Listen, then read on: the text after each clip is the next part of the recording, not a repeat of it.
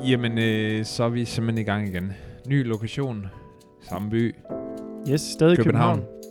Det var vi også for to uger siden, det ved vi godt. Der er, øh, der er simpelthen et, øh, Ja, der er lidt gap. der er simpelthen et gap Ja. mellem de to episoder her, men vi er stadigvæk i København. Ja. Mm. Og nu sidder vi i en kælder med noget lækker belysning og sådan en køkken alrum Mm-hmm. hjemme hos Anna. Mm-hmm. Ja, og vi skal øh, simpelthen have en episode, som faktisk har været lidt undervejs, slår mig lige. Eller sådan, det er først noget, noget tid siden, jeg skrev til Anna første gang.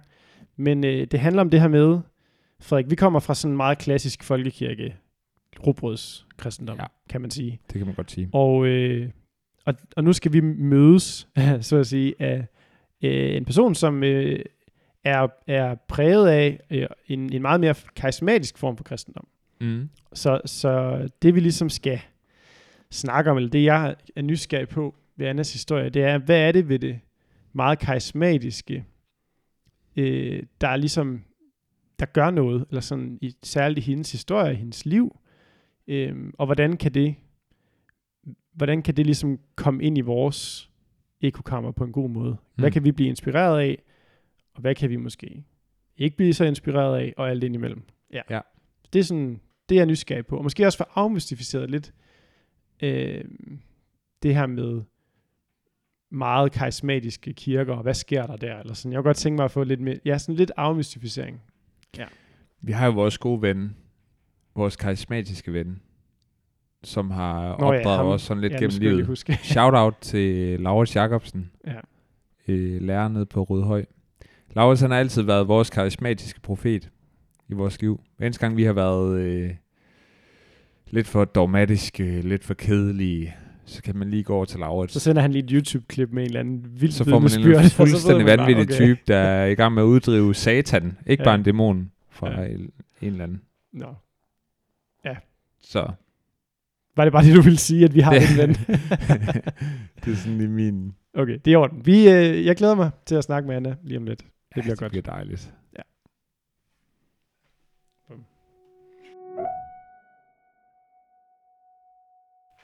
Ja, velkommen til, Anna. Mega fedt, at vi må være her hos dig. København. Dejligt, velkommen. Vil du ikke uh, starte med at fortælle dig bare sådan lige, hvem du er? Jo, jamen, øh, jeg hedder Anna, og jeg er 24 år gammel, og øh, ja, bor i København, har jeg boet siden august. Og øh, ja, jeg øh, til hverdag arbejder jeg hos øh, noget, der hedder Outreach, øh, hvor øh, jeg er i fuldtidstjeneste, så det er virkelig en velsignelse at få lov til det. Øh, jeg elsker at bage, og jeg elsker at lave mad, og er også øh, næsten uddannet bager, og øh, så elsker jeg bare Jesus. Jeg tror, det er pretty much uh, the introduction. Kan du lige sige, hvad er... Eller kommer vi til at snakke om outreach senere? Det gør vi jo nok. Det ved jeg ikke. Gør vi det? Ellers så... så prøv lige at sige, hvad prøv at sige, hvad Ja. outreach er. Jamen, uh, Outreach er et fællesskab af unge, som er kaldet til at repræsentere Jesus, kaldet til at repræsentere Gud, her specifikt i København. Og øh, jeg fik lov til at komme med øh, i det øh, allerede bare en uge efter, jeg kom til København. Øh, jeg søgte virkelig efter et, et ungdomsfællesskab i nogle, nogle andre unge mennesker, som virkelig ville det samme, som jeg ville, som ønsker at sprede de gode budskaber om Jesus, og øh, på en mere evangelistisk måde, øh, som er noget, jeg er meget passioneret omkring. Øhm, og øh, jeg havde set nogle af deres ting på Facebook, og endte med at skrive til dem, og sådan, hey, det er mega fedt det her, må jeg være med? Fordi jeg er mega passioneret om det her. Og så fik jeg bare lov til at være med, og det har bare været en kæmpe, kæmpe glæde og velsignelse at få lov til det, og vokse helt vildt meget i virkelig mange ting, hvor vi går, vi går på gaden hver uge øh, og snakker med mennesker om Jesus, og øh, laver alle mulige andre videoprojekter øh, ved siden af. Så det er mega spændende. Sådan. Ja. Mega fedt. Det kan være, vi kommer tilbage til det senere. Ja. Øhm, Anna, vil du ikke starte med, bare som lige kan få en fornemmelse af din tros vandring? Fordi du er jo ikke startet som, lad os kalde dig karismatiske Anna, eller sådan. Vil du ikke sige noget om, om, dit, øh, om din tros rejse hen imod... Øh, nu kommer vi til meget at køre dig ind som karismatisk øh, Ja, det kan jeg godt karakter, mærke lidt, men den karismatiske Anna. Ja, Du er, du er vores karismatiske input her. nu gør vi det lige på den måde, så, så må du lige... Ja. Men, men, men du ikke lige, vi snakkede lige lidt om det lidt før over Ja. for mig, ikke? Og vil du ikke lige prøve at sige igen, din rejse hen imod det her på en eller anden måde? Jo, Ja. ja. jamen øhm, vokset op egentlig i en kristen familie, men øh, der var aldrig sådan... Øh, jeg så aldrig rigtig noget, øh, som pegede hen imod en, en, en relation med Gud, som er det, som jeg oplever ligesom nu. Øh, Øh, men, men jeg vidste ligesom, okay, Gud han eksisterer, og det er sådan pretty much it. Og jeg vidste ikke rigtigt, at der var andet end det. At der var mere til Gud, end at han eksisterede, at han ville mere end det. Øh, og da jeg så er 16, der på et tidspunkt, så tænker jeg sådan, ah, okay, men, øh, jeg tænker, nu, nu tror jeg på Gud, og jamen det er fedt nok, så, øh, så kommer jeg jo i himlen, så kan jeg jo bare begynde at leve mit liv, som jeg vil nu. Mm. Øhm, og igen, fordi jeg ligesom ikke har nogen forbilleder til rigtig sådan at fortælle mig eller vise mig, hvad det er, det ligesom handler om. Øh, så jeg går bare den stik modsatte vej af, hvad det er, jeg egentlig skal. Øh, og begynder bare efter det her at gå øh, gå i byen og få rigtig, rigtig dårlige og usund relation med mænd, og tre af dem var stofmisbrugere, og du ved, det var rigtig dårligt, og begynder på det her tidspunkt at have selvmordstanker, og bliver deprimeret, og fyldt af angst og stress, og ja, det går rimelig meget ned ad bakke, øh, og lider sådan af de her forskellige, en kombination af hele den her pulje over de næste 4,5 års tid. Øhm, og i slutningen af 2017, så kulminerer det hele sådan virkelig voldsomt, og jeg dropper ud af min, min uddannelse for anden gang, og øh, en daværende chef ender med at køre mig på skadestuen, fordi han er bange for, at jeg vil tage mit eget liv. Øhm, og jeg starter kort tid efter det her til en specialpsykolog i Aarhus, øhm, på øh, selvmordsenheden, tror jeg det hedder, ude i Rigskov, øh, på psykiatrisk afdeling. Og hun hjælper sådan med nogle af de her sådan meget overfladiske ting, for når man er plader af selvmordstanker. Og jeg får sådan en nødplan for, hvad skal man gøre, når man har de her tanker og, og flere forskellige ting. Og jeg kan mærke, at det sådan tager fat i nogle af de her sådan meget overfladiske ting, men det kommer ikke ligesom ned at tage fat i, i roden. Mm. Øhm, og efter jeg har gået psykologen her i øh, en måned, to, noget i den stil, så kan jeg mærke, at jeg bare sådan, jeg virkelig er så plaget af det her, og jeg, jeg, jeg gider ikke mere. Jeg har ligesom besluttet, at nu, nu skal der ske noget, eller så, så er det slut. Og øh, jeg går ud i, i skoven en dag, for det var sådan et af de eneste steder, jeg følte, jeg kunne bare få en lille smule ro til mit hoved, øh, når jeg var meget plaget af de her tanker. Øhm, og jeg går ud, og dramatisk som jeg er, begynder jeg at råbe og skrige af Gud, og forstår ikke, hvad det er, der sker, og hvorfor jeg har det, som jeg har det, og hvorfor det er, at han ikke kommer og gør noget, hvis han virkelig er den Gud, som han nu burde være, eller skulle være, eller hvad ved jeg. Øhm, og giver faktisk Gud et ultimatum den her dag, og siger, Gud, nu har vi to muligheder i dag. Enten så, så går ud og tager mit eget liv i dag, eller så bliver du nødt til at komme og gøre noget ved det her, fordi jeg, jeg kan ikke mere, og jeg vil ikke mere. Øhm, og jeg anbefaler ikke, at folk går ud og giver Gud det her ultimatum, men det var det, jeg gjorde. Øhm, og siger ligesom til Gud, at jeg, jeg er så træt af det her, jeg kan ikke mere, jeg vil ikke mere, og øh, er så fyldt af alle de her meget, meget negative ting, som foregår. Og så, øh, oplever jeg faktisk, hvordan at det bliver sådan vendt til en pris, en lovprisning af Gud, sådan midt ud i ingenting. Jeg kan ikke rigtig forklare, hvordan det foregår, eller hvordan det sker. Og så, øh, altså, så ender jeg med at give mit liv til Gud den dag, fordi han vælger ligesom at tage de her ting væk, og har siden den dag ikke været plaget af stress eller angst eller selvmordstanke eller depression, og simpelthen radikalt og meget, meget dramatisk bliver sat fri fra alle de her ting på sådan med, på et øjeblik. Øhm, og når man har så radikal og dramatisk en oplevelse, eller frelsesoplevelse, eller et op- møde med Gud, så bliver man meget, meget hurtigt meget radikal kristen. Og det er ret svært at sidde på det der the fence, som vi siger på engelsk på en eller anden måde, øh, længere. At der går man meget, meget hurtigt over i lejren, der siger all in. Altså, mm. Altså det, ja. ja. Så det, og så gik ting virkelig bare fremad efterfølgende. Øhm, ja. Ja, og så, ja, og så prøv at beskrive, øhm, hvornår du ligesom lander øh, i en mere sådan karismatisk kontekst, og hvad du møder der. Ja.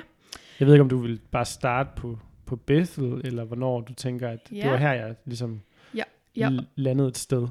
Jeg oplever faktisk... Øh, nogle og af de sige, her, hvad sådan, Bethel er, når du kommer til det. Ja, når jeg kommer til. Ja. Øhm, altså, når jeg vil beskrive mig selv, vil jeg jo ikke beskrive mig selv som karismatisk. Altså det kan jeg godt se, at, at jeg kan godt forstå, hvorfor man, man tænker det, men når, når jeg tænker øh, på det, så, så tænker jeg ikke, at jeg tænker bare, jamen jeg er bare efterfølger af Jesus.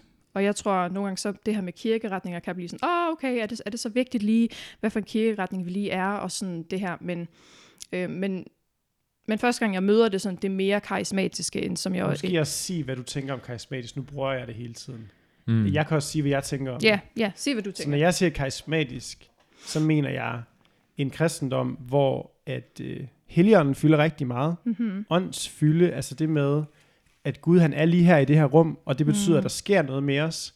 også som, det, som meget fysisk ser ud på mennesker, at der sker noget med dem, at de for eksempel taler i tunger, eller bliver bevæget fysisk på en eller anden måde, Mhm. mm-hmm. eller øh, man, man siger profetiske ord fra Gud til hinanden, og sådan nogle ting. Det er det, jeg mener med karismatisk. Ja. At man har en kristendom, der er meget fyldt af de slags ting. Ja. Ja. Det er, egentlig også, det er også egentlig det, jeg tænker, når jeg sådan tænker karismatisk. Så fedt. Ja, Øh, men første gang, jeg møder det, det er, øh, da jeg tager til USA første gang.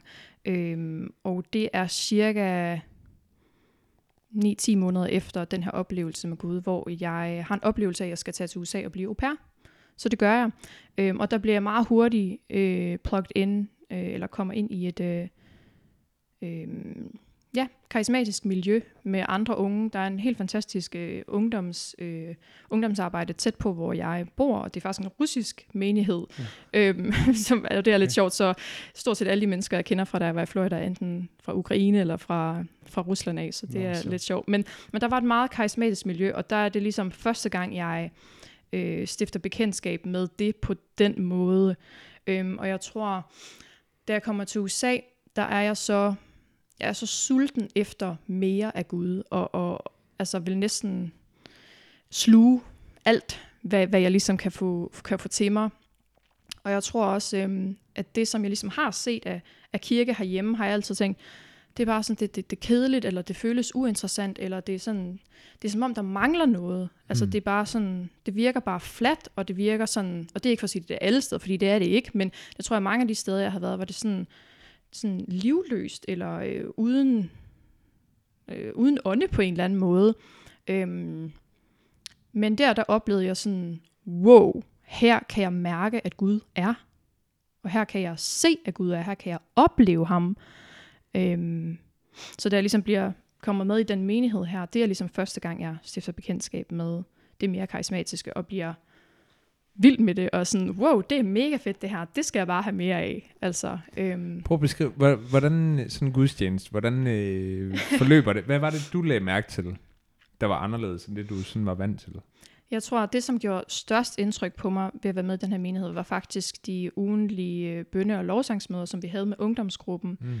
Øhm, og der oplevede jeg bare en frimodighed fra folk, øh, som jeg ikke rigtig havde set i, sådan i danske øh, omgangskredse før på den måde. Og en, øh, ja, hvad kan, dem kan man sige, det er sådan en, øh, ja, både frimodighed, men også mod til bare at gøre det, som man oplever Gud, han vil i det øjeblik på en eller anden måde, og, og folk ikke holder sig tilbage, og det kan måske også være den sådan mere amerikaniserede del af det, Mm. det er jeg også godt klar over.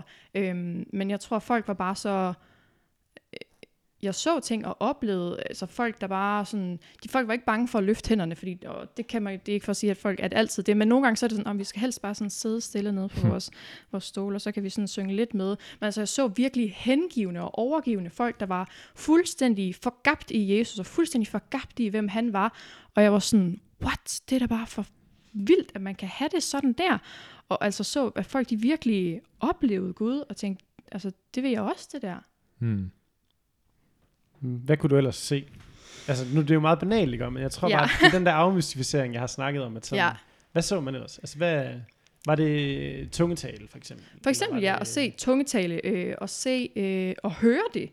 Mm. Mm. Altså sådan at høre, at folk omkring en står og siger alle mulige forskellige ting, øhm, og man tænker sådan, åh, det er måske sådan lidt mærkeligt det her, og, og folk er sådan, åh, har du fået tungetale? Og du ved sådan, man er sådan, åh, er det noget, man snakker om? Det gør man åbenbart, og det er okay. Jeg kan huske første gang, der var en af mine venner, der var sådan, åh, Anna, har du fået tungetale? Og jeg var sådan, ja, det har jeg, og han var sådan, ej, må jeg ikke høre det? Og jeg var sådan, wow, det føltes sådan en lille smule grænseoverskridende, det der.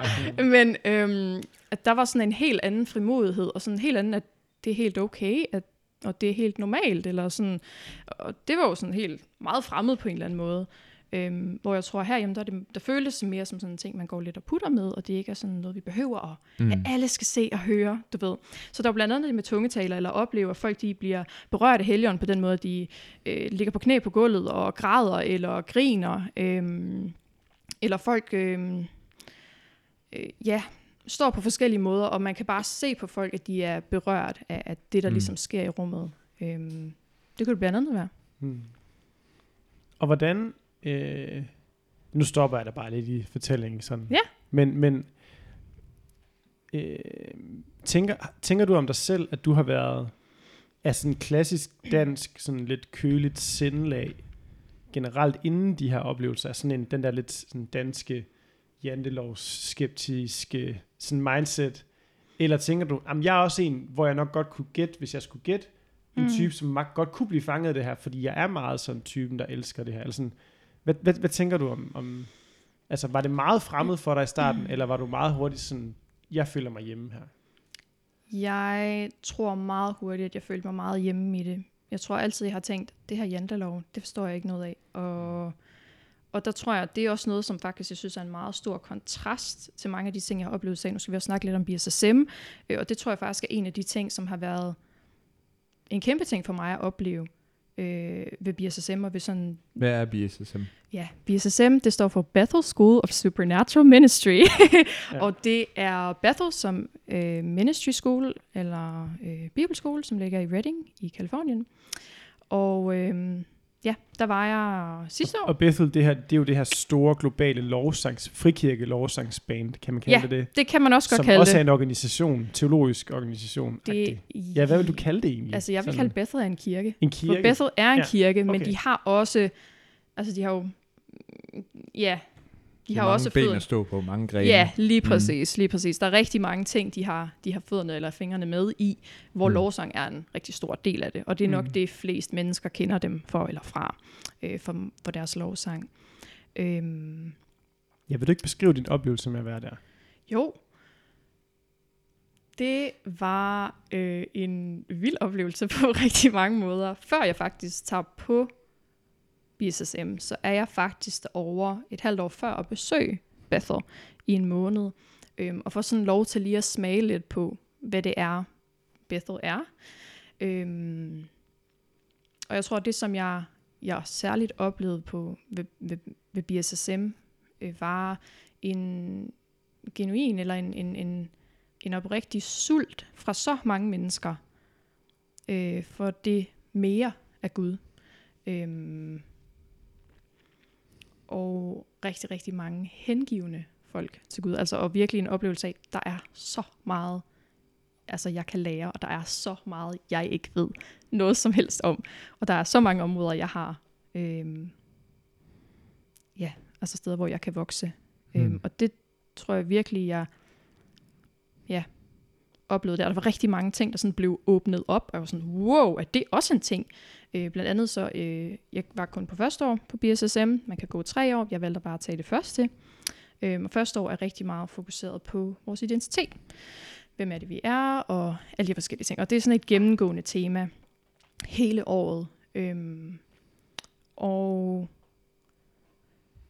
der tror jeg, hvis, og der snakker også lige om janteloven før, der tror jeg, at det faktisk var der, jeg så en, en meget stor kontrast, fordi at janteloven ligesom siger, du skal ikke tro, du kan noget, du skal ikke tro, du er noget, og alle de her forskellige ting, men der tror jeg faktisk virkelig, at jeg fik lov til at opleve, jo, jeg er faktisk noget, og jeg er faktisk skabt til noget, og der er faktisk en mening med, at jeg er her, øhm, og Gud har faktisk skabt mig med særlige ting, øh, med særlige gaver, og med, med, med øh, alle de her forskellige ting, at mit liv ikke bare er en i flokken, men Mm. at jeg faktisk er et helt særligt individ, tænkt og skabt af Gud med intention.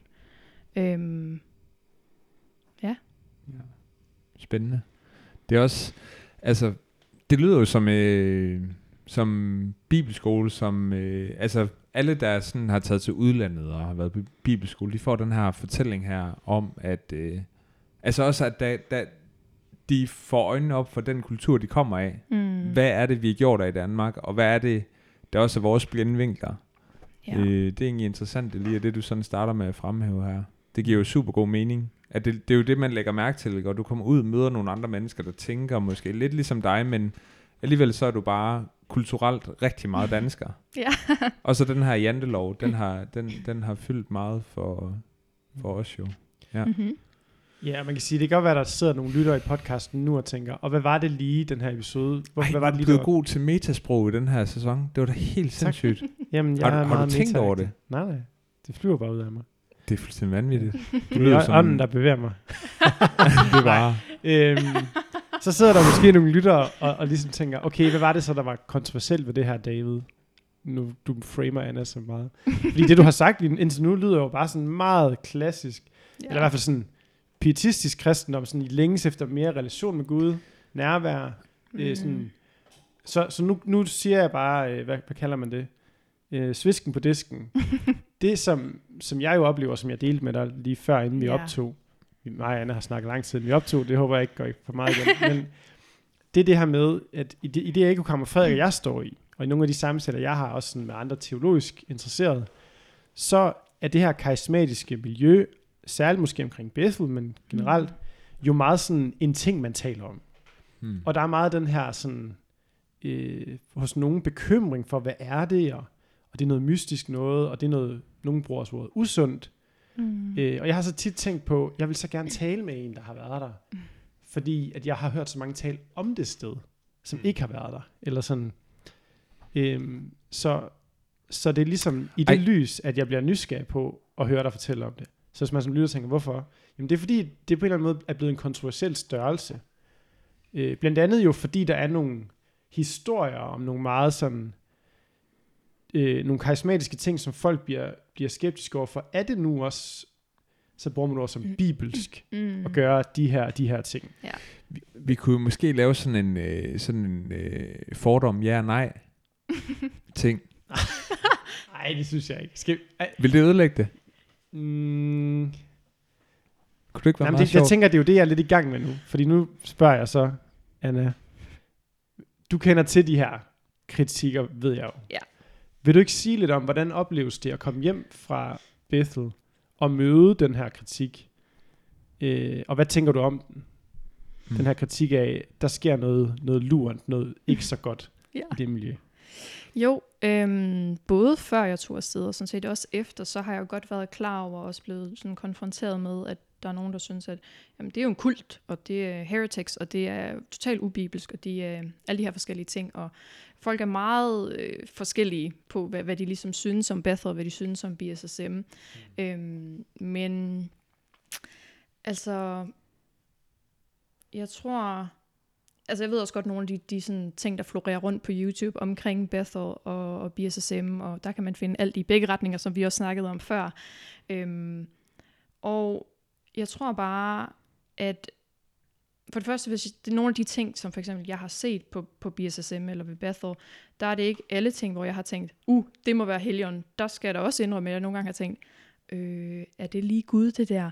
Men der har jeg også nogle gange så blevet nødt til at sige, okay, men det er ligesom deres business. Det kan jeg ligesom ikke sådan stå og blande mig i, om det er Gud. Og jeg vil heller ikke være den, der ligesom sætter en ramme over og siger, det gør Gud ikke det heller. Det kan han ikke gøre, fordi hvis han er Gud, jeg kan putte ned i en kasse, i mit lille hoved, så er han ikke nogen særlig stor almægtig øh, Gud. Altså han er bare så meget større end det jo.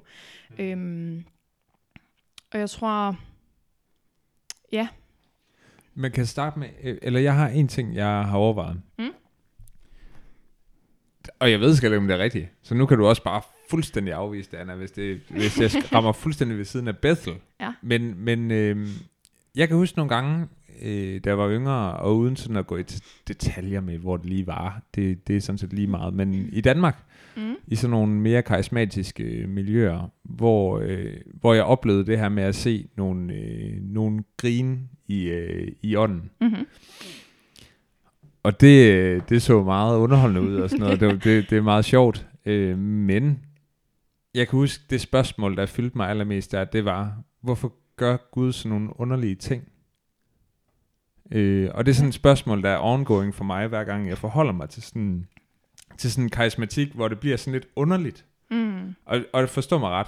Ja. Fordi jeg er godt med på, at tungetale er jo, er jo weird. Og det har vi rimelig meget øh, bekræftet, og både i Bibelen og i forskellige kirker, at det ligesom fylder. Men de har andre ting, altså for eksempel det der med mm. Grin i ånden. Altså jeg kan simpelthen ikke lige, jeg, jeg, det er fordi, jeg har svært ved at samle mig om, hvad er det lige, det skal til for. Mm. Altså, but why? Altså, nok fedt for dem, der lige er i det, men også bare rigtig underligt. Ja. ja. Ej, jeg ved ikke, kender du sådan, sådan den der, sådan, yeah. hvorfor gør Gud så underlige ting? Ja, Det Ja. gør jeg. Øhm, og jeg havde faktisk en historie, som jeg tænkte, eller en, en oplevelse, jeg havde her forleden, og jeg var sådan, jeg vide, om det egentlig er noget, jeg sådan skal dele her, men det var sådan et, et svagt øjeblik for mig, eller et meget ydmygende øjeblik, om man må sige det. Fordi der var nemlig en gudstjeneste, jeg var til, hvor der stod en kvinde helt op foran, et lidt længere op foran mig, og jeg synes, hun så nu siger jeg bare, hvad jeg tænkte på det tidspunkt, det gør. Jeg tænkte, hun så hold fast, hvor ser det bare dumt ud, det der. Altså, man kan jo ikke stå og opføre sig sådan der, og danse på den måde, og du ved sådan, gøre alle de her forskellige ting, og sige alle de her forskellige ting, det kan da umuligt være Gud. Altså den måde, man, Mm. altså sådan, og det, det, du ved, så kørte det ligesom bare derud af i mine tanker. Men der havde jeg også bare sådan en oplevelse af, at Gud, han sådan prikkede til mig, og var sådan, jamen, bare fordi det ikke er noget, du har oplevet, så kan du jo ikke sige, at det ikke er mig. Mm. Hvad nu, hvis den her person faktisk har et, et, øh, et niveau af frihed, som du ikke har? Fordi det også fordi det så på en eller anden måde lidt handler om den der personlige øh, oplevelse af frihed ved Jesus og Mm. frihed i, i Gud. Ja. Det er ligesom det der er- okay, ja, det giver rimelig god mening. Ja. Men, men for eksempel det med glæde i ånden, eller. Mm. med, øh, hvad hedder det, ja, latter i ånden, Mm. det er også, jeg tror, det, det bedste argument, jeg har for det, ikke fordi jeg sådan Mm. skal sidde og argumentere, men der tænker, jeg sådan, der tænker jeg faktisk på et bibelvers lige her i dag, som, øh, jeg kan ikke huske, hvad det siger på dansk, men øh, på engelsk er det, at øh, uh, the fruit of the kingdom is not uh, meat or drink, but is righteousness, peace and joy in the Holy Ghost, or in the Mm. Holy Spirit. Hvor at jeg tror, at glæde, retfærdighed og fred er tre meget, meget essentielle og store ting i Guds rige. Mm. Og hvordan er glæde manifesteret? Ja. Det er det for eksempel ved latter. Øhm, og det er ikke fordi, jeg sådan kan sige, Nå, men så er det derfor, vi lærer øh, i ånden. Nej, eller sådan. men det er men... faktisk mega interessant lige at høre dig sætte ord på det. Fordi der er jo noget, altså det, det du gør lige nu, det er egentlig at bidrage, det, selvom du, nu sad du lige før og sagde dig med om øh, teologer og sådan Ja. noget. Der, det du gør, det er egentlig at komme med noget teologisk substans til noget, som egentlig kan være ret svært at forstå, Ja. også teologisk, som egentlig giver mening lige når du siger det nu, Mm, i den kontekst. Det synes jeg faktisk, det gør. ja. Hvis... Øh, ja, nu spring... Nej, men, åh, jeg har så mange ting, jeg gerne vil, vil, vil, vil sige, eller ud med at spørge om, men så jeg skal lige sortere, hvad, hvad er fedest. Øh, Kan vi ikke lige blive omkring det her supernatural her? jo, jo, men det... Jo, okay. Jeg gemmer en. Jeg gemmer en i, her i hovedet, og så siger jeg en anden en. Okay. O store leder. Øh, hos store leder, tak. Det er mig, der holder dagsordenen. Ja, det er godt. Ja. Du gør det godt. Det øhm, nu banker det på. Nå, det er ikke der. Okay, nå. Nu siger jeg, jeg lige sådan, er det hånden? Nej. Okay, øhm, så hvis, Anna, hvis du skulle, nu vil jeg gerne give dig mulighed for så at vende den op. Nu har vi lige stillet lidt nogle af de der spørgsmål, mm. som man Mm. nogle gange vil kalde kritiske spørgsmål. ja. Hvis du nu skulle have saveretten nu, og så, øh, for det er dig, der kommer med noget fedt udefra til os, Ja. hvad, hvad er sådan din øh, anfægtelse eller udfordring til, til de, de kirkeliv i Danmark, som man kunne kalde mindre karismatisk, eller måske mm. Lukket for det karismatiske? Altså, hvad, Mm-hmm. hvad er det, du drømmer om, der kommer mere af, og hvad er det, du tænker, man går glip af? Ved du godt, at anfægtelse, det er et ret luthersk ord. Og også et ret, øh, det er også et ret kristent ord. Hvad skal jeg sige? Meget Hvad mener ord. du med anfægtelse, David? Prøv lige at forklare det. Øh, Jeg mener øh, øh, udfordring. Lad os bare sige det. Og du sagde jo også slash udfordring. Ja, lige præcis. Okay, sorry. Så, jeg var sådan, håber lige, han... Ja, beklager. fedt. jeg er altså også lidt højskolelærer nogle gange, Ja. men beklager. det er så godt. Ja. Øhm, jeg tror, at... Øhm, Du må gerne give os råt for usødet. Det kan vi godt holde til. fedt. Øhm, så tror jeg, jeg tænker, at øhm, vi skal lade være at være så optaget af vores øh, schedules på en eller anden måde. Og med, med schedules, der mener jeg sådan rent kirkemæssigt, for eksempel. At øh, om vi har en time, eller vi har halvanden time, og alting er sådan, vi kan godt lide det her med, at vi har alting, da, da, da, da, da, da, så sker det den her måde, og klokken 33, der skal vi det, og så klokken 38, så går han på, og så klokken 39, så er der kaffe, bum, du Mm. ved, og så er vi færdige. Mm. Og så var Helion måske sådan lidt, Nå, hvornår var det lige, der var plads til mig? Agtig. Mm. Øhm, kunne jeg forestille mig.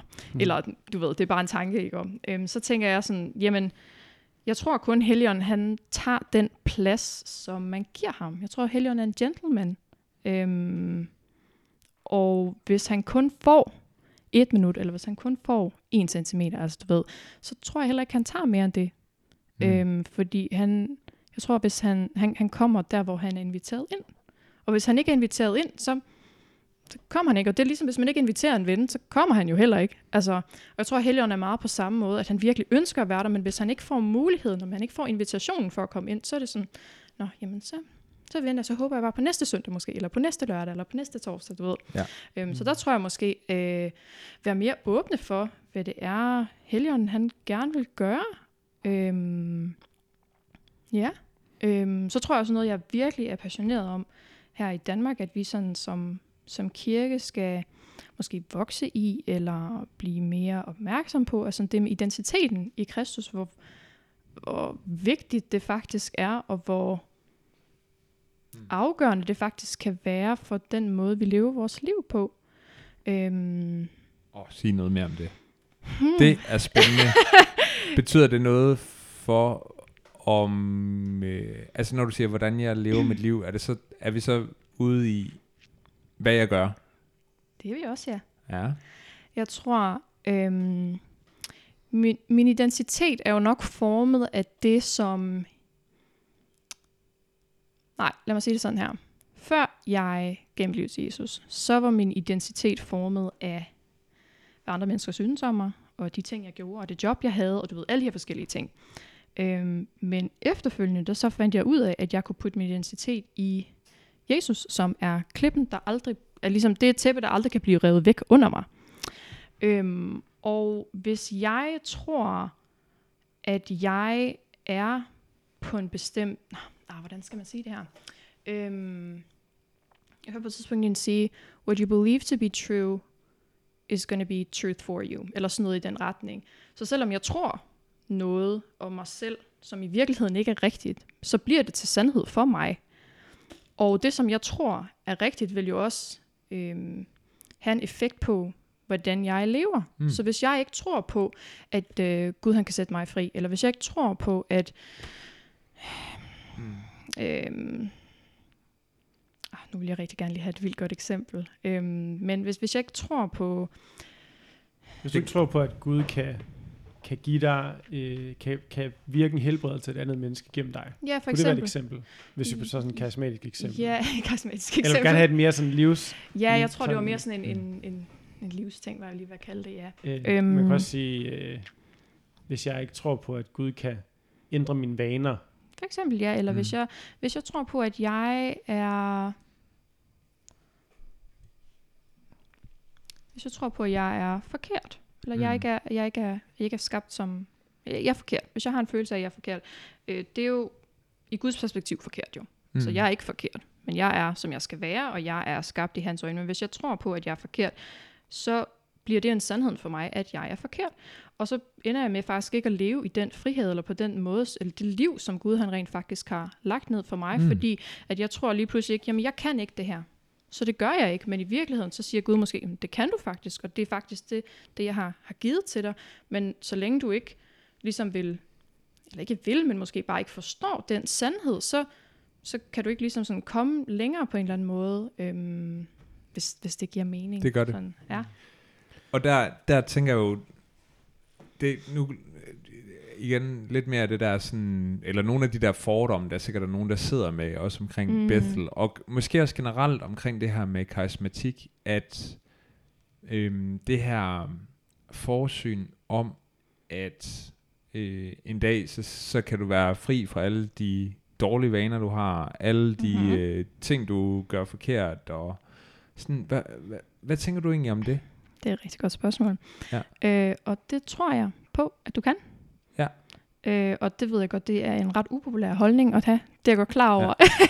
øhm, men, Men jeg kunne godt tænke mig at høre, altså, Ja. hvad, hvad der ligger i det. Fordi Ja. det er egentlig en ret spændende tanke.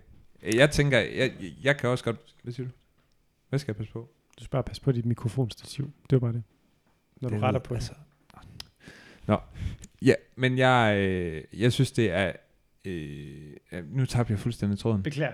Du, du spurgte hende om, hvad ligger der i Ja. at tænke, at man kan blive fri fra alt det? Ja, sådan, hvad, hvad ligger du i det? Hmm. Hvad, ja, og der tænker du måske både sådan mental helbredelse, fysisk helbredelse og sådan... Ja, også Og- og vaner og, synd, og- og syndfrihed. synd altså, og fordi i virkeligheden, der, der, der er det jo sådan en ting, hvor jeg tænker, at der vil jeg skille mig meget ud tænker jeg, hvis, hvis man i Bethel går ind for, at man en dag kan blive helt fri for synd. Ja. Og det tænker jeg ikke, man kan. Øhm, jeg tror, at vi... Altså, da Gud han skabte ligesom Adam og Eva, så levede de ligesom et liv uden synd, jo, indtil at de ligesom spiste æblet, og da, da, da, you know the story. Og så kom synd ligesom ind i verden, øhm, eller ind i vores liv, og derefter er vi ligesom alle sammen født som syndere. Men så det betyder jo også, at vores originale design er syndfrie. Og jeg tror på, at når vi bliver født på ny, så betyder det ikke, at vi sådan bum på et splitsekund lige pludselig, så er vi bare tilbage til originalen, men jeg tror, at det er det, vi skal arbejde imod. Hmm.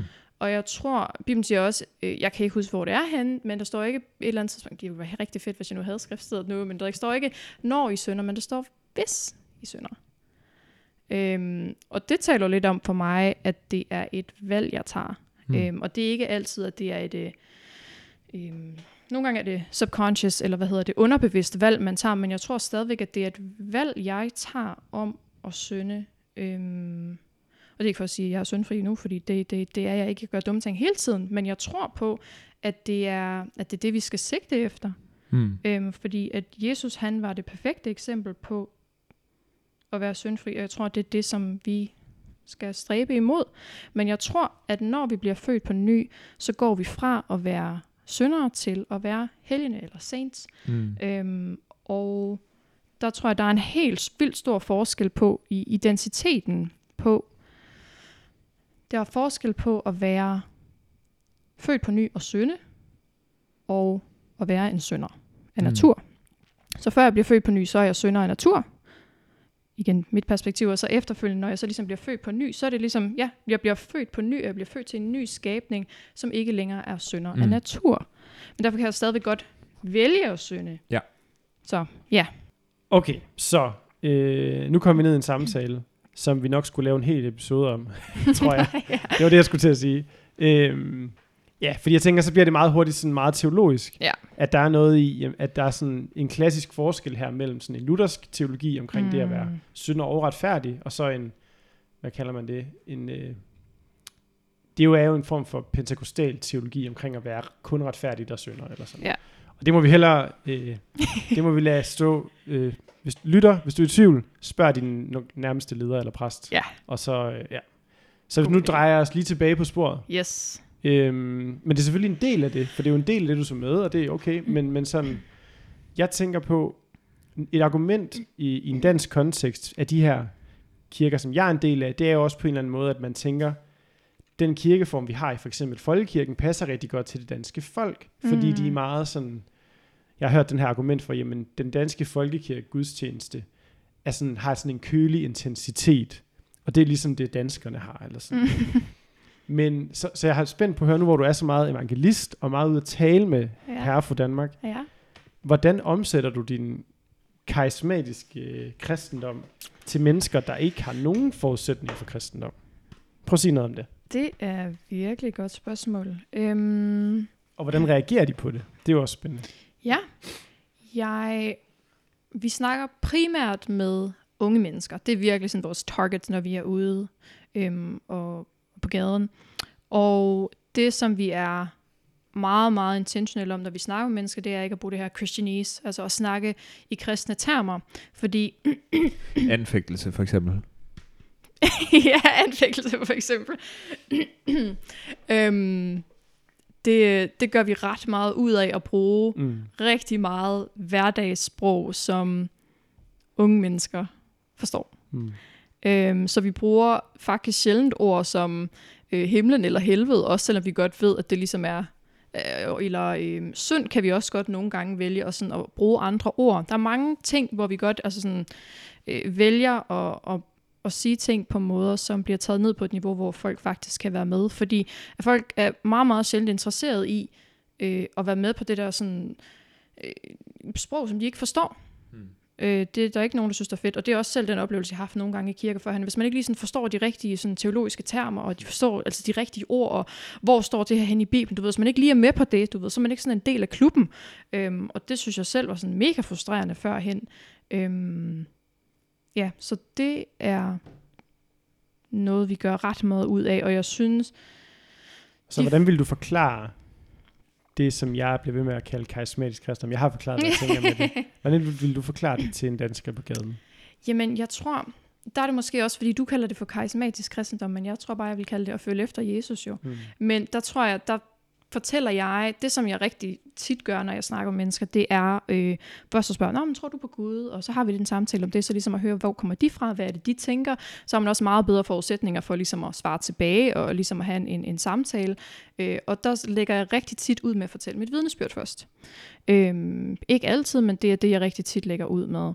Øh, fordi der får folk sådan en, tit har jeg en, en fornemmelse af, at folk får sådan en, ej okay, hun er også bare sådan et almindeligt menneske, men hun har haft en eller anden helt vild oplevelse med Gud, kan vide, om han også kan gøre det for mig.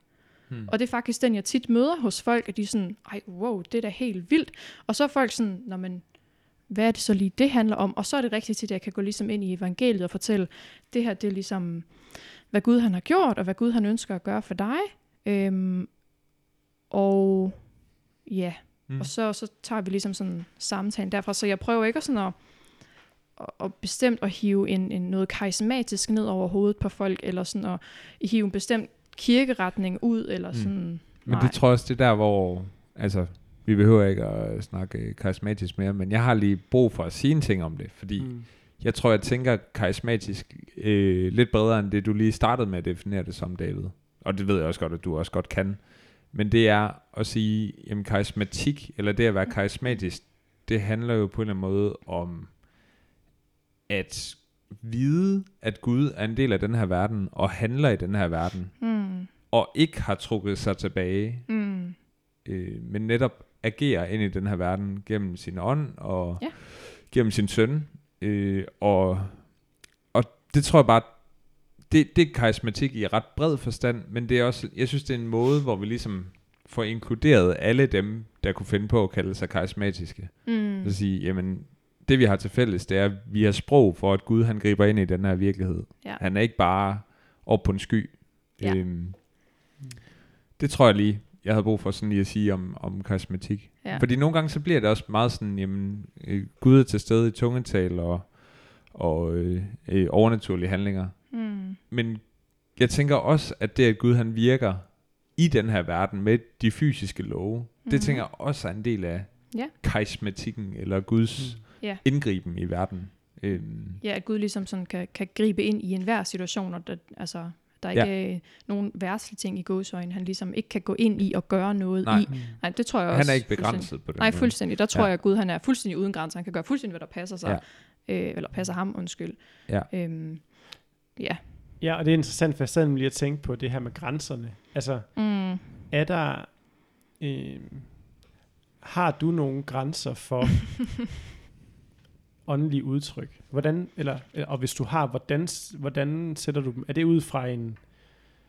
Et eksempel på en grænse kunne være, det åndelige udtryk, jeg møder her, det skal jeg kunne sætte fast på en bibels tankegang. Det kunne være en grænse. Det kunne også være noget med en, en kirkelig tradition, eller sådan, men, Mm. men har du nogle grænser for åndelige udtryk, du kan møde, hvor du kan sige, øh, måske i hvert fald ikke sige, det er ikke Gud, men så i hvert fald sige, det tror jeg ikke er et, et, et, et godt, eller måske den, det åndelige udtryk, jeg vil efterstræbe, eller sådan noget.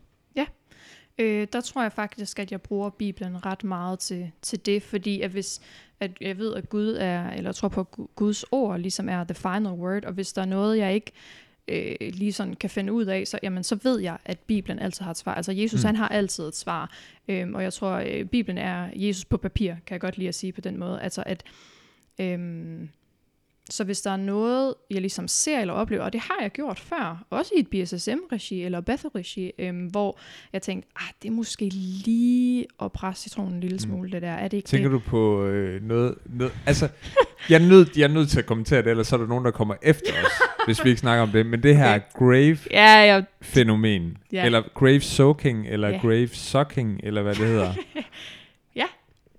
Ja. Du er nødt til at flette på ord på det. det. Jeg ved, du har sikkert fået det, den kommentar tusind gange. den, den er i hvert fald kommet op før. øhm, Men først lige sige din tanke færdig med det andet. Åh oh ja, undskyld. Øhm, Nå, nej, det var mig. Du, det, ja, bare fortsæt. Jeg kan simpelthen ikke lige huske, hvor jeg Du slap. var, du var i gang med at sige det der med, at også i BSM, der, Når du møder Åh, noget, så ja. prøver du at finde det i Bibelen. Ja, lige præcis. Så hvor jeg måske har set nogen, jeg vil sige, skære ud på en eller anden bestemt måde, eller gjort, gjort et eller andet, hvor jeg tænkte, det, det, det tror jeg simpelthen ikke er, er et bibelsk, og jeg kan ikke finde noget bibelsk fundament for, at, at det der kan, at det virkelig er rigtigt, eller det virkelig er Gud, der opfører sig på den der måde. Øhm, så der tror jeg måske, at sådan, okay, men hvis, hvis der ikke ligesom er noget bibelsk belæg for det, så, så tror jeg, jeg vil sige, at det nok ikke er noget, jeg skal have noget med at gøre i hvert fald. Øhm, men derfor igen vil jeg heller ikke altid sige, det er ikke Gud, fordi igen, hvis jeg kan forstå Mm. Gud ind i mit hoved, så altså, det, det, det tror jeg ikke er meningen. Så. Det giver Ja. mening. Øh, men ja, grave soaking, det kan man også finde ting op på YouTube og alle mulige forskellige steder. Jeg har i Øhm, hvert fald set en, ja. en ret så kontroversiel video.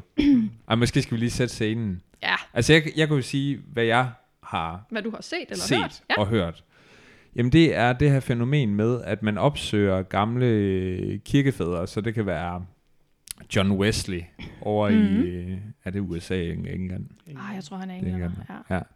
Eller andre sådan øh, vækkelsesprædikanter, Mm-hmm. Spurgeon, eller hvem det ellers skal være. Og så finder man deres grave.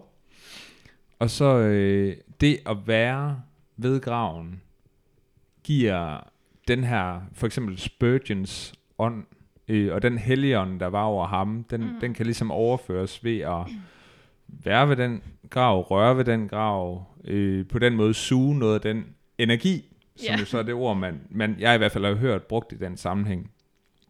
Øh, jeg kan huske den første gang, jeg stødte ind i det, der tænkte jeg virkelig, okay, nu, øh, nu stikker det af. øh, men, men, men jeg kunne godt tænke mig, altså, at, fordi det er måske blevet kædet lidt for meget sammen med Bethel, og Ja. blevet sådan lidt en ting, og sådan, ja, jeg ved ikke, hvad, hvad tænker du om det? Jo. Øhm, jeg tror rigtig tit, det er noget, der er blevet kædet sammen med Bethel. Og så er der mange, der tænker, så skal jeg ikke have noget med Bethel at gøre. Og det er en kult, fordi de laver grave soaking, eller de laver grave soaking. Mm. Øhm, og før jeg tog afsted, så tænkte jeg, havde godt hørt om og tænkte, jeg må hellere lige sådan undersøge, hvad det er, det lige handler om og sådan noget. Øhm, Mm. Og så vidt som jeg har forstået historien, så er det en af de ledende pastorers kone, de havde, ham og hende, de havde været ude ved en eller anden grav fra en eller anden øh, ja, vækkelsesprædikant, eller hvem i alverden det nu var. Øhm, Mm. Og så havde hun fået taget et billede ved den, og så havde det været, altså jeg har hørt Bill snakke om det her. Øhm, Bill, som er, Bill, som er øh, senior pastor ved Bethel, ja. så leder. Og øhm, at, det, at hun havde lavet et eller andet billede og slået det op på Facebook som sådan en intern joke for dem, som er ligesom i det her Bethel-regi. Og derfor så kan det jo godt, når folk kommer udefra og tænker, det er jo fuldstændig vanvittigt det her, men måske fordi der også er det her sådan interne ting. Igen, så snakker vi også lidt om Christianese før, så det, er sådan, det bliver sådan nogle kristne ting, og når man er i et bestemt miljø, så kommer der sådan nogle interne ting jo. Og jeg tror, det virkede til, det, det er i hvert fald sådan, som jeg havde forstået det, at der var et eller andet internt, og så er det Mm. bare stukket fuldstændig af efter det. Ja. Øhm, og som jeg også snakkede med David om før, så bare for, så havde der været nogle elever ude efterfølgende også, ved jeg, og så har de ligesom, jamen det er en ting eller sådan noget. Men der tror jeg også, at det er vigtigt at huske på, at bare for, at, et, eller at lederne ved, ved Bethel kan ikke stå inden for alt, hvad elever gør, og hvad elever synes. For jeg har hørt alle mulige historier, også da jeg var på BSSM, om hvad elever har gjort, mm. og simpelthen har altså, lavet ting, som var altså mærkelige, og virkelig sådan, øh, har prøvet at placere ting, og lavet som om, at det var Gud, og for Mm. at det ligesom kunne se sejt ud, eller sådan noget. Øhm, men hvor de ligesom er blevet opdaget i det. Og det ved jeg også, at jeg har hørt det, ledere sige det, at vi, vi vil ikke stå inden for de her ting, og vi kan ikke nødvendigvis stå inden for alle de ting, som elever gør. Det er Mm. en, øh, en af de største skoler, øh, som bibelskoler i verden, har kæmpe indflydelse. Og derfor vil der komme rigtig, rigtig mange studerende igennem, og man kan ikke stå som lederskab inden for alt, hvad de her unge mennesker gør, mm. fordi nogen altså, gør Ja. bare, altså, Og så er det klart, så ting. de der historier, der de formerer sig, og så sætter de sig. Og især- særligt når det er noget, der går så meget mod, hvad man normalt ville tænke, Ja. man ville være optaget af. Øh, men det, det er jo fedt lige sådan at få en anden, øh, et andet take på det. Hmm. Øh, jeg synes, det er ret interessant. Ja, vi skal nok til at runde af nu. Har du flere spørgsmål? Ja, jeg har altid flere. Ja. Men altså, så jeg kan sagtens komme med et. Godt, jeg kan godt lave et afrundingsspørgsmål også. Ja, det må du gerne. Så Så kan jeg gemme mit til refleksion Øhm, bagefter. er der noget... Øhm, man taler også meget tit om det her med, hvor meget kan vi tage amerikansk kristendom mm. og gøre det til dansk kristendom. Fordi amerikansk kristendom er en helt særlig størrelse. altså, Ja. det, det tænker jeg er synligt for enhver, der enten har været i USA eller har beskæftiget sig meget med. Jeg ser jo absurd mange timers amerikansk kristendom på YouTube. og sådan, det er noget andet end dansk kristendom. Ja. Øhm, er der noget, som du har været nødt til at indse, nu efter du er kommet til København, har været her noget tid, Mm. noget af den kristendom, du mødte der, som du tænkte, den må jeg lade blive der. Den kan jeg ikke tage med hjem. Øhm, Hmm. og det er jo også på en eller anden måde et spørgsmål om, hvad er det, som du tænker, det, det er ikke så frugtbart, eller så godt måske at bruge her i Danmark. Det kunne være sådan et afslutningsspørgsmål. Ja, det er godt nok et godt spørgsmål. Jeg tror ikke sådan, at jeg har en sådan kæmpe overordnet ting, men jeg tror, efter at jeg har været afsted, så er jeg klar blevet mere opmærksom på, i forskellige situationer, i miljøer, og virkelig at se og vurdere, som vi faktisk også snakkede om før, at vurdere ånderne, og vurdere, hvad er det egentlig, der foregår i rummet. Og særligt efter at have været ved BSSM, og har set og oplevet mange ting, som var langt ud over, hvad jeg sådan troede egentlig kunne lade sig gøre, og nogle ting har været sådan lidt, uh, og nogle ting har været super fede, men der tror jeg virkelig, jeg har lært, at man ikke bare skal, du skal ikke bare sluge alt. At nogle gange, så skal man lige, øh, ja, være kritisk på en god måde, over for det, som der bliver sagt, og det, som man hører, øhm, som var faktisk også noget, vi snakkede om før jo, Mm. så det med at være, altså, jeg vil gerne være en, en svamp, så at sige, altså sådan, at jeg suger til mig af det gode, men heller ikke på bekostning af, at jeg sådan, så får jeg også alt det med, som er usundt. Mm. Som det med at være opmærksom på, fordi det har jeg lidt haft tendens til førhen, at jeg bare, jeg skal bare have det hele med, og så er man sådan, uh, jamen det her, det er jo faktisk slet ikke godt, og det er faktisk meget usundt. Øhm, så det tror jeg faktisk er noget, jeg har sådan tager med mig. Det var ikke helt lige Mm. et svar på dit Jo, det spørgsmål. synes jeg var godt. Jamen, Ja, det er et okay. godt svar, det der. øhm, så virkelig med at være opmærksom på, at bare fordi præsten i den her kirke siger sådan her, eller min leder siger sådan her, eller nogen i min omgangskreds gør sådan her, så er det ikke ens betydende med, at det er den bedste måde at gøre det på, men at øh, men Gud stadigvæk godt kan bruge det at være midt i det, og at faktisk, at vi er forskellige, og vi har forskellige Mm. holdninger og ser forskellige ting, sker ting forskelligt, og vi kommer fra forskellige kirkeretninger, at det prøver jeg virkelig at se som en styrke, og faktisk ikke se det som en svaghed. Fordi hvis vi nu lærer at arbejde sammen i stedet for, så tror jeg faktisk, vi kunne få lov til at se helt vildt meget stort, og vi kunne få lov til at se vækkelse her. Men jeg tror ikke, det kommer til rigtig at ske, altså sådan på den måde, som Gud har ønsket, for at vi faktisk lærer at arbejde sammen, altså, og virkelig vil ydmyge os i vores forskelligheder, Mm. og så faktisk sige, I har det her, og vi har det her, men sammen der kan vi gøre det her, og Gud han vil Mm. komme lige ned midt i det. Mm. Ej, jeg bliver lige nødt til at stille et spørgsmål mere. Tre minutter. Tre minutter. Nej, nej, altså Tager du alt. det? Nej, nej, jeg siger okay, jeg skal bare lige have det her ud. Okay, så, okay Anna, Ja. øh, nu har du været på BSM, nu bliver det Mhm. lige et spørgsmål om den specifik, den skole og, Mhm. og Reading og sådan. Ja. Øh, der er rigtig mange danske unge kristne, der tager dig over. Som, som leder, ungdomsleder, kirkeleder for en ung, øh, frisk sabbatårsstuderende, der siger, jeg skal på BSM, BSSM, Mm-hmm. Øhm, tænker du, at det er sådan en carte blanche anbefaling? Gør det? Eller vil du have nogle... Gør det, hvis det er den her type unge person, der har den her modenhed? Eller sådan... Har du, vil du have nogle reservationer? Eller vil du tænke, som du har mødt det derovre, at det kan alle bare gøre? Det tænker jeg, at... Øhm, altså jeg vil sige, at alle godt kan gøre det, men gør det, hvis du er villig til at, at virkelig begynde at arbejde med dig selv. Og ikke både sådan kun åndeligt, men også sådan emotionelt. Og fordi det, som jeg oplevede, var så meget mere end bare sådan den åndelige verden, der, sådan, der blev mere åbnet op og alt sådan noget. Men der var så mange øh, sådan, særligt emotionelle ting, som virkelig blev bragt op. Og hvis man er villig til at arbejde med de her ting, og virkelig gå ned i det, og lade Gud komme, og sådan at, at få fingrene ned i mudder, så at sige, så kan man virkelig få lov til at opleve rigtig meget frihed på rigtig mange områder. Men hvis, hvis man bare sådan, Nå, men jeg skal, du ved, bare på en eller anden bibelskole, og hvis man ikke sådan tænker, jeg skal bare fremad, og jeg skal bare alle de her ting, så tænker jeg måske, så kan man lige så godt måske vælge noget andet. Øhm, men jeg ved ikke, det som jeg gerne ville, grund til at jeg tog på BSSM var, fordi jeg ville have noget, som var mere, altså jeg ville så gerne have mere, og det som jeg gerne ville have mere af Gud, kunne jeg ikke rigtig se, jeg kunne få mange andre steder, men jeg var sådan, jeg skal bare derudad, og jeg skal bare løbe med Jesus, og jeg skal bare have alt, hvad der er muligt, og alt det, som han er for mig, det, det skal jeg bare have, og jeg vil bare have mere af ham, ligegyldigt hvad det koster. Og hvis, det, øhm, og hvis man vil det, så, øh, så synes jeg, at vi er et godt sted til hen.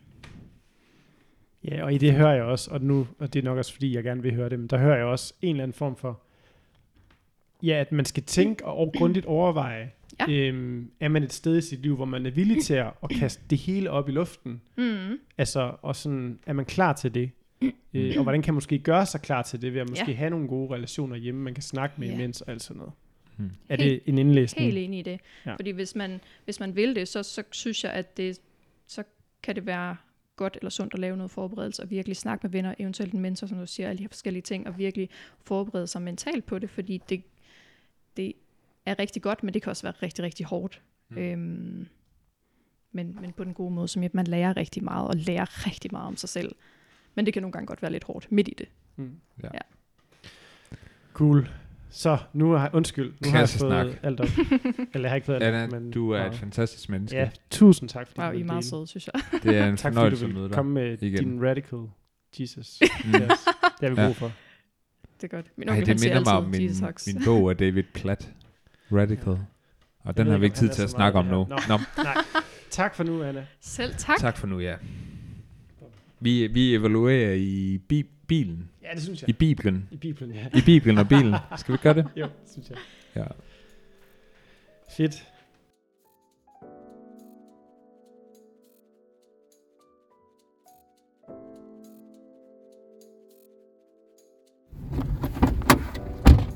Så er vi øh, på vej på vej tilbage over. Vi er optaget med Anna. Og nu skal vi den lange vej, fordi de dumme faver, de bare ikke fatter noget. Så nu er det bare motorvej Og det er fedt. og en møg irriterende omvej. Nå, vi er optaget med Anna om øh, det, vi kunne kalde karismatisk kristendom. Ved du ikke, hvad det er? Eller det ved du nu, fordi du lige hørte hele op afsnittet. Øh, hvad er du fyldt af, Frederik? Jamen, jeg synes, at noget af det, der kom frem i episoden her med Anna, det var det her med... Øh, eller noget af det, jeg faktisk blev ret inspireret af, at hun sådan satte ord på, det er det her med dømmekraft. Jeg kan ikke huske, om hun brugte det ord. Men det, i hvert fald det der med sådan at... Øh, og øh, forholde sig kritisk på den gode måde til det, man ser Mm. og gør. Altså hun virkede bare til at være egentlig sådan rimelig moden i det. Altså så er det jo klart, at der er jo nogle... Jeg tror, jeg tænker lidt anderledes om tro end Anna. Det er ikke så tit, jeg egentlig lige siger det her i podcasten, når, når jeg oplever det. Men det, det, det tror jeg på nogen måde, jeg gør. Og det tror jeg er helt fint. Jeg, jeg tror bare stadigvæk, der er nogle ting, øh, jeg kan lære af den tilgang, Anna har til, til tro. Øh, Ja, men jeg synes særligt det der med sådan dømmekraft, at det, den måde det kom til udtryk, at hun brugte det i sit, øh, i sit sådan Bethel-liv og karismatiske liv, det, det kom godt frem, og måden hun ligesom arbejdede med det. Så var det også fedt lige at få skudt nogle af de her klassiske øh, Bethel-tanker lidt til jorden, eller i hvert fald lige komme med en anden fortolkning på det. Øh, altså der har jo simpelthen bare været rigtig mange underlige, underlige øh, ting, man har kunne læse frem til, der har noget med Bethel at gøre på en eller anden måde. Mm. Øhm, ja, og lige en sidste ting, så, øhm, så tror jeg stadigvæk, jeg lidt sidder med den her tanke her om, øh, og det, det gør jeg egentlig også i forhold til, det, det, det er igen skeptikeren, der kigger lidt frem, men det her med, hvorfor vil Gud have os til at gøre underlige ting? Mm.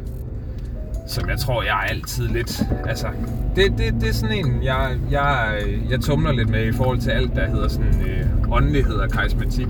Mm. Øh, og særligt, når det kommer sådan til at virke slemt underligt. Og det er jo så for eksempel, når man griner i ånden, eller man bliver væltet af, af The Preacher, øh, fordi han peger på en, eller hvad der nu kan ske.